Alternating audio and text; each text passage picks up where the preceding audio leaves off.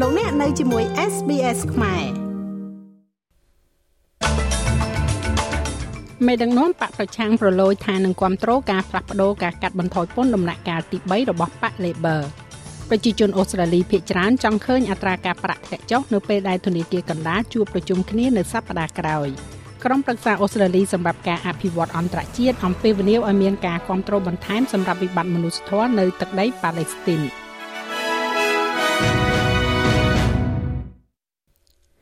មេដឹកនាំបកប្រឆាំងលោក Peter Dutton បានផ្ដល់នូវការចង្អុលបង្ហាញយ៉ាងមុតមមថាគណៈបក Liberal របស់លោកនឹងគ្រប់គ្រងការផ្លាស់ប្ដូរលើការកាត់បន្ថយពន្ធដំណាក់កាលទី3របស់បក Labor រដ្ឋាភិបាលលោក Albanese បានបំពេញការសន្យានៅពេលបោះឆ្នោតដោយធ្វើការផ្លាស់ប្ដូរគោលនយោបាយដង្កៀបពន្ធដែលមានគ្រោងទុក នៅក្នុងការកាត់បន្ថយពន្ធដំណាក់កាលទី3នេះ។ រដ្ឋាភិបាលនឹងត្រូវការការគ្រប់គ្រងពីគណៈបកចម្រុះឬក៏សមាជិកសភា Crossband ដើម្បីអនុម័តនៅច្បាប់នេះលោក Peter Button និយាយថាគណៈបកលោកមិនទាន់បានសម្រេចគោលជំហរចុងក្រោយនៅឡើយនោះទេ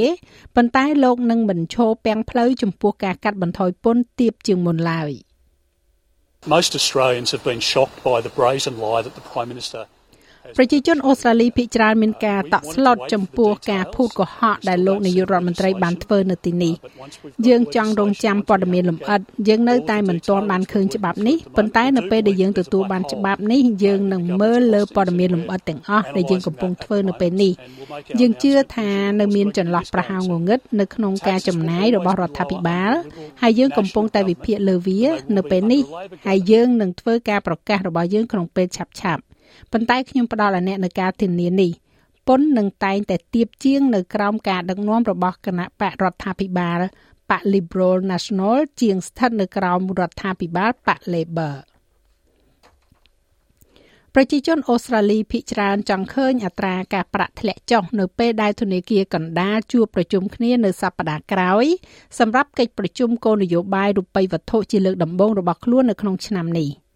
រដ្ឋមន្ត្រីក្រសួងអប់រំលោក Jason Clare កំពុងតែឆ្លើយតបទៅនឹងសំណួរមួយនៅលើកម្មវិធី Sunrise របស់ស្ថានីយទូរទស្សន៍ប៉ុស្តិ៍លេខ7ថាតើវាសមរម្យទេសម្រាប់ឲ្យរដ្ឋាភិបាលរដ្ឋនៃគណៈបក Labor សម្រាប់រដ្ឋ Queensland, Victoria និងរដ្ឋអូស្ត្រាលីខាងលិចទាមទារឲ្យមានការកាត់បន្ថយអត្រាការប្រាក់នៅមុនពេលធនាគារកណ្ដាលនៃប្រទេសអូស្ត្រាលីប្រកាសការសម្រេចចិត្តរបស់ខ្លួននៅថ្ងៃអង្គារនេះនោះ។ Well, I think all Aussies want to see interest rates go down. Ultimately, it's a matter for the RBA. ខ្ញុំគិតថាប្រជាជនអូស្ត្រាលីទាំងអស់ចង់ឃើញអត្រាការប្រាក់ធ្លាក់ចុះ នៅទីបំផុតវាគឺជាបញ្ហារបស់ RBA ហើយដើម្បីឲ្យ RBA កាត់បន្ថយការប្រាក់យើងត្រូវធ្វើឲ្យអតិផរណាធ្លាក់ចុះហើយវាកំពុងតែកើតឡើងយើងទទួលបានដំណឹងល្អនោះនៅក្នុងសប្តាហ៍នេះយើងបានឃើញអតិផរណាធ្លាក់ចុះប្រហែលជាពាក់កណ្ដាលក្នុងរយៈពេល12ខែចុងក្រោយនេះនៅក្នុងលក្ខខណ្ឌប្រចាំខែអតិផរណាត្រូវបានធ្លាក់ចុះពី8.4ទៅ3.4%ក្នុងរយៈពេល12ខែដូច្នេះវាគឺជាការល្អ អ្នកដឹងទេប្រសិនបើអ្នកអាចទទួលបាននៅអតិផរណាធ្លាក់ចុះនោះយើងនឹងឃើញអត្រាការប្រាក់ធ្លាក់ចុះយើងដឹងថាមានប្រជាជនអូស្ត្រាលីជាច្រើនដែលកំពុងរស់នៅយ៉ាងលំបាកហើយយើងចង់ឃើញអត្រាការប្រាក់របស់ពួកគេធ្លាក់ចុះ កាលពីដើមសប្តាហ៍នេះក្តីសង្ឃឹមថាអត្រានឹងធ្លាក់ចុះក្នុងពេលឆាប់ៗនេះត្រូវបានគ្រប់គ្រងដោយទិន្នន័យការិយាល័យស្ថិតិរបស់អូស្ត្រាលី ដែលបង្ហាញពីអតិផរណាប្រចាំឆ្នាំបានបន្ធូរបន្ថយមកនៅត្រឹម4.1%ក្នុងត្រីមាសខែធ្លូធ្លាក់ចុះពី5.4%នៅក្នុងត្រីមាសខែកញ្ញាប្រទេសអូស្ត្រាលីនិងនូវែលសេឡង់បានបើកកិច្ចចរចាផ្នែកសន្តិសុខដើម្បីបង្កើតយោធាតំបន់ Trans-Tasman ដែលល្អឥតខ្ចោះ កិច្ចប្រជុំដំបូងរបស់រដ្ឋមន្ត្រីការបរទេសនិងរដ្ឋមន្ត្រីការពារជាតិ Trent Tasman បានធ្វើឡើងនៅក្នុងទីក្រុង Melbourne កាលពីម្សិលមិញដោយមេដឹកនាំបានធ្វើការបដិញ្ញាចិត្តជាច្រើនដើម្បីនាំសម្ព័ន្ធមិត្ត ANZAC កាន់តែជិតស្និទ្ធ ការបដិញ្ញាចិត្តរួមមានការធ្វើសម្ពយុទ្ធយោធាបន្ថែមទៀតរវាងអូស្ត្រាលីនិងនូវែលសេឡង់លទ្ធភាពនៃការទិញសម្ភារៈយោធារួមគ្នានិងលទ្ធភាពកើនឡើងនៃ Kiwi ឲ្យចូលរួមដល់សសរស្តម្ភ2នៃកតិកាសញ្ញា AUKUS រដ្ឋាភិបាលនឹងបញ្ជូនគណៈប្រតិភូទៅប្រទេសនូវែលសេឡង់ដើម្បីពិភាក្សាអំពីផែនការអភិវឌ្ឍបច្ចេកវិទ្យាយោធាទំនើបៗជាមួយសហរដ្ឋអាមេរិកនិងចក្រភពអង់គ្លេស ប៉ូលីសបាននិយាយថាការប៉ុនប៉ងដើម្បីរើសយករបស់ចេញពីផ្លូវរថភ្លើងនៅស្ថានីយ៍ភាគខាងជើងទីក្រុងស៊ីដនី បានបញ្ចប់ដោយសោកនាដកម្មជាមួយនឹងការស្លាប់របស់មនុស្ស2នាក់ស្នងការរងប៉ូលីសរដ្ឋ New South Wales លោក Mal Lenion បាននិយាយថាវាហាក់ដូចជាបរិសម្នាក់និងស្ត្រីម្នាក់បានចូលទៅក្នុងផ្លូវរថភ្លើងនៅ Berora នៅពាក់កណ្ដាលអាធ្រាត្រថ្ងៃសុក្រដើម្បីរើសយករបស់របររបស់ពួកគេត្រឡប់មកវិញ បរិះអាយុជាង20ឆ្នាំម្នាក់បានកំពុងតែជួយនារីម្នាក់អាយុជាង30ឆ្នាំប្លាយឲ្យចេញពីផ្លូវដែកនៅពេលដែលពួកគេទាំងពីរត្រូវបានរថភ្លើងបុកក្រុមគ្រូពេទ្យបានទៅជួយអ្នកទាំងពីរប៉ុន្តែបានប្រកាសថាពួកគេបានស្លាប់នៅកន្លែងកើតហេតុគេនៅមិនទាន់បានកំណត់អត្តសញ្ញាណជាផ្លូវការនៅឡើយទេហើយស្ថានភាពនៃឧបទ្ទហេតុកំពុងត្រូវបានស៊ើបអង្កេត ក្រុមប្រឹក្សាអូស្ត្រាលីសម្រាប់ការអភិវឌ្ឍអន្តរជាតិដែលត្រូវបានគេស្គាល់ថាជា ACFID បានអំពាវនាវឲ្យមានការគ្រប់គ្រងពីរដ្ឋាភិបាលអូស្ត្រាលីបន្ថែមទៀតសម្រាប់វិបត្តិមនុស្សធម៌នៅក្នុងទឹកដីប៉ាឡេស្ទីននៅក្នុងលិខិតមួយដែលចុះហត្ថលេខាដោយអង្គការផ្ដល់ជំនួយក្រុមប្រឹក្សានេះបានស្នើឲ្យលោកនាយករដ្ឋមន្ត្រី Anthony Albanese និងរដ្ឋមន្ត្រីការពារ សមន្តោសនិងរដ្ឋមន្ត្រីការបរទេសលោកស្រី Penny Wong បង្កើននូវមូលនិធិសម្រាប់កម្មវិធីមនុស្សធម៌និងគ្រប់គ្រងជាសាធារណៈចំពោះសេចក្តីសម្រេចរបស់តុលាការយុតិធធអន្តរជាតិបណ្ដោះអាសន្ន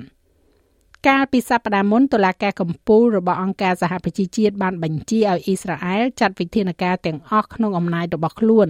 ដើម្បីការពារអំពើប្រល័យពូជសាសន៍ដែលកើតមាននៅតំបន់កាហ្សានាយកប្រតិបត្តិ ACFIC លោក Mark Purcell ប្រាប់ ABC ថាការគ្រប់គ្រងសាធារណៈចំពោះសេចក្តីសម្រេចនេះគឺមានសារៈសំខាន់ណាស់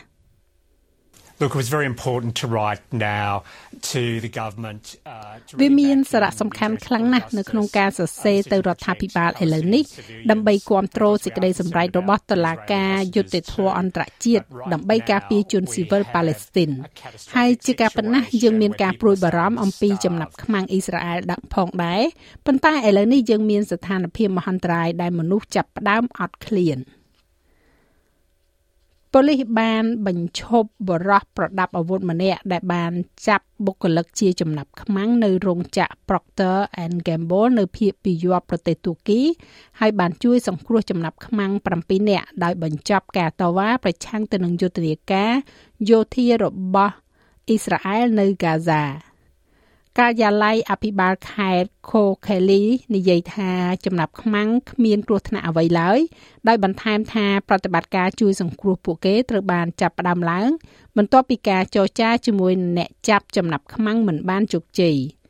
អ្នកចាប់ចំណាប់ខ្មាំងរុកនេះបានចូលទៅក្នុងរោងចក្រនៅក្នុងតំបន់ឧស្សាហកម្ម Gebze ក្នុងខេត្ត Kokeli នៅម៉ោងប្រហែលជា3រសៀលថ្ងៃប្រហ័សម៉ោងក្នុងស្រុកហើយបានបាញ់កំភ្លើងនៅលើអាកាសស្របពេលដែលហាក់ដូចជាមានភ្ជាប់នៅអ្វីដែលហាក់ដូចជាឧបករណ៍ផ្ទុះ។ ជាមួយគ្នានេះប្រធានាធិបតីសហរដ្ឋអាមេរិកលោកโจ Biden បានចេញនូវបទបញ្ជាប្រតិបត្តិមួយដែលកំណត់គោលដៅទៅលើអ្នកតាំងលំនៅជនជាតិអ៊ីស្រាអែលចំនួន4នាក់នៅតំបន់ West Bank ដែលត្រូវបានចោទប្រកាន់ថាបានវាយប្រហារទៅលើជនជាតិប៉ាឡេស្ទីននិងសកម្មជនសន្តិភាពអ៊ីស្រាអែលអាមេរិកបានប្រកាសដាក់ទណ្ឌកម្មហិរញ្ញវត្ថុនិងការហាម5ទឹកធការ ការដាក់ទណ្ឌកម្មនេះមានគោលបំណងរារាំងអ្នកទាំង4ពីការប្រើប្រាស់ប្រព័ន្ធហិរញ្ញវត្ថុរបស់សហរដ្ឋអាមេរិកនិងរារាំងពលរដ្ឋអាមេរិកពីការតាក់ទងជាមួយនឹងពួកគេអ្នកនាំពាក្យក្រុមប្រឹក្សាសន្តិសុខអាមេរិកលោក John Kirby ពន្យល់ The president has spoken very very clearly on this since the very beginning លោកប្រធានាធិបតីបាននិយាយយ៉ាងច្បាស់អំពីរឿងនេះតាំងពីដើមដំបូងមកថាអំពើហិង្សាដែលតាំងទីលំនៅនៅតំបន់ West Bank មិនអាចទទួលយកបានយើងនឹងបន្តពិនិត្យមើលឧបករណ៍របស់យើងដើម្បីដោះស្រាយវាបទបញ្ជារបស់លោក Biden នេះគឺជាជំហានដ៏កម្រមួយប្រឆាំងទៅនឹងសម្ព័ន្ធមិត្តជិតស្និទ្ធបំផុតរបស់អាមេរិកនៅមជ្ឈិមបូព៌ាដែលលោកនិយាយថាមានសិទ្ធិការពារខ្លួន។ នៅឯប្រទេសកម្ពុជាវិញកាលពីថ្ងៃទី31ខែមករាប៉ូលីសក្រុងភ្នំពេញបានចាប់ខ្លួនថ្នាក់ដឹកនាំពីរនាក់ទៀតរបស់គណៈបកភ្លើងទៀនបើតាមសេចក្តីប្រកាសរបស់អ្នកដឹកនាំអ្នកនាំពាក្យស្នងការរដ្ឋាភិបាលនគរបាលរាជធានីភ្នំពេញការចាប់ខ្លួននោះធ្វើឡើងតាមដីការបស់តុលាការពាក់ព័ន្ធទៅនឹងករណីក្លែងបន្លំនិងប្រើប្រាស់លិខិតក្លែងក្លាយកាលពីខែវិច្ឆិកាឆ្នាំ2023 គណៈបកភ្លឹងទៀនបានចេញសេចក្តីថ្លែងការណ៍ដោយប្រកាសថ្កោលទោសចំពោះអាជ្ញាធរក្រុងភ្នំពេញដែលបានចាប់ខ្លួនលោកហាក់កុសលលេខាធិការគណៈកម្មាធិការប្រតិបត្តិគណៈបកភ្លឹងទៀននៅខណ្ឌជ្រោយចង្វា និងលោកម៉ាចិន្តាអនុប្រធានគណៈកម្មាធិការប្រតិបត្តិគណៈបកភ្លឹងទៀននៅខណ្ឌដូនពេញរាជធានីភ្នំពេញ។ ចាស់ឲ្យលោកមេងផាឡានឹងជួនសេចក្តីរាយការណ៍ពិស្ដានៅវគ្គក្រោយជាបន្តទៀតឬក៏លោកអ្នកអាចចូលស្ដាប់របាយការណ៍ពេញនៅលើគេហទំព័រ sps.com.au/ ខ្មែរលោក Graham Arnold គ្រូបង្វឹកក្រុម Socceroo និយាយថាក្រុមរបស់លោកនឹងប្រើវិធីដាក់សម្ពាធរាងកាយដើម្បីលុបចោលបំបាក់កីឡាករកូរ៉េខាងត្បូងនៅក្នុងការប្រកួត Asian Cup វគ្គ1/4ផ្ដាច់ព្រាត់នៅប្រទេសកាតាយប់នេះលោកអាណូនិយាយថាមធ្យោបាយដើម្បីបញ្ឈប់កូរ៉េខាងត្បូងទាញយកប្រយោជន៍ពីល្បឿនរបស់ពួកគេ តាមរយៈការបញ្ជូនបាល់ហួសពីតំបន់ការពាររបស់អូស្ត្រាលីនោះគឺកំណត់ចំនួនចន្លោះដែលនៃគម្លាតសម្រាប់អ្នកបញ្ជូនបាល់ដែលមានតាំងពីដំបូង Uh, that's our intent is uh, to be in their faces for 90 minutes. ចេតនារបស់យើងគឺចង់នៅចំពោះមុខពួកគេ រយៈពេល90នាទីហើយដាក់សម្ពាធលើពួកគេហើយជាក់ស្ដែងភាពខ្លាំងមួយរបស់ពួកគេគឺបច្ចេកទេសហើយដើម្បីដកចេញនៅបច្ចេកទេសនោះវិធីដែលត្រូវធ្វើនោះគឺការដាក់សម្ពាធអ្នកឈ្នះនៅក្នុងវគ្គ1ភាគ4ផ្ដាច់ព្រាត់នេះនឹងត្រូវលេងជាមួយក្រុមដែលឈ្នះក្នុងការប្រកួតវគ្គ1ភាគ4ផ្ដាច់ព្រាត់រវាងតាជីគីស្ថាននិងយ៉ូដង់ក្នុងវគ្គផ្ដាច់ព្រាត់ ក្នុងវគ្គពាក់កណ្ដាលប្រាច់ព្រាត់នៅព្រឹកថ្ងៃពុធទី7ខែកុម្ភៈចំណែកឯអត្រាប្តូរប្រាក់វិញ1ដុល្លារអូស្ត្រាលីមានតម្លៃប្រមាណ65សេន8ដុល្លារអាមេរិកត្រូវនឹង2690រៀលប្រាក់រៀលខ្មែរយើងក៏លេខមកមើលការព្យាករណ៍អាកាសធាតុសម្រាប់ថ្ងៃសៅរ៍ស្អែកវិញ នៅទីក្រុងផឺត នឹងមានខ្យល់មានពពកដោយពេល37អង្សា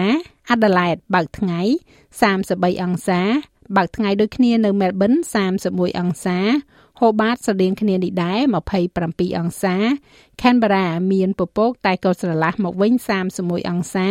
មានពពកនៅស៊ីដនី27អង្សាពពកដោយពេលនៅ Brisbane 32អង្សា ទីក្រុង Cairns មានរលឹម32អង្សា នៅ Darwin អាចនឹងមានរលឹមឬក៏ព្យុះ33អង្សា និងនៅទីក្រុងភ្នំពេញ មានពពកភាគច្រើន34អង្សា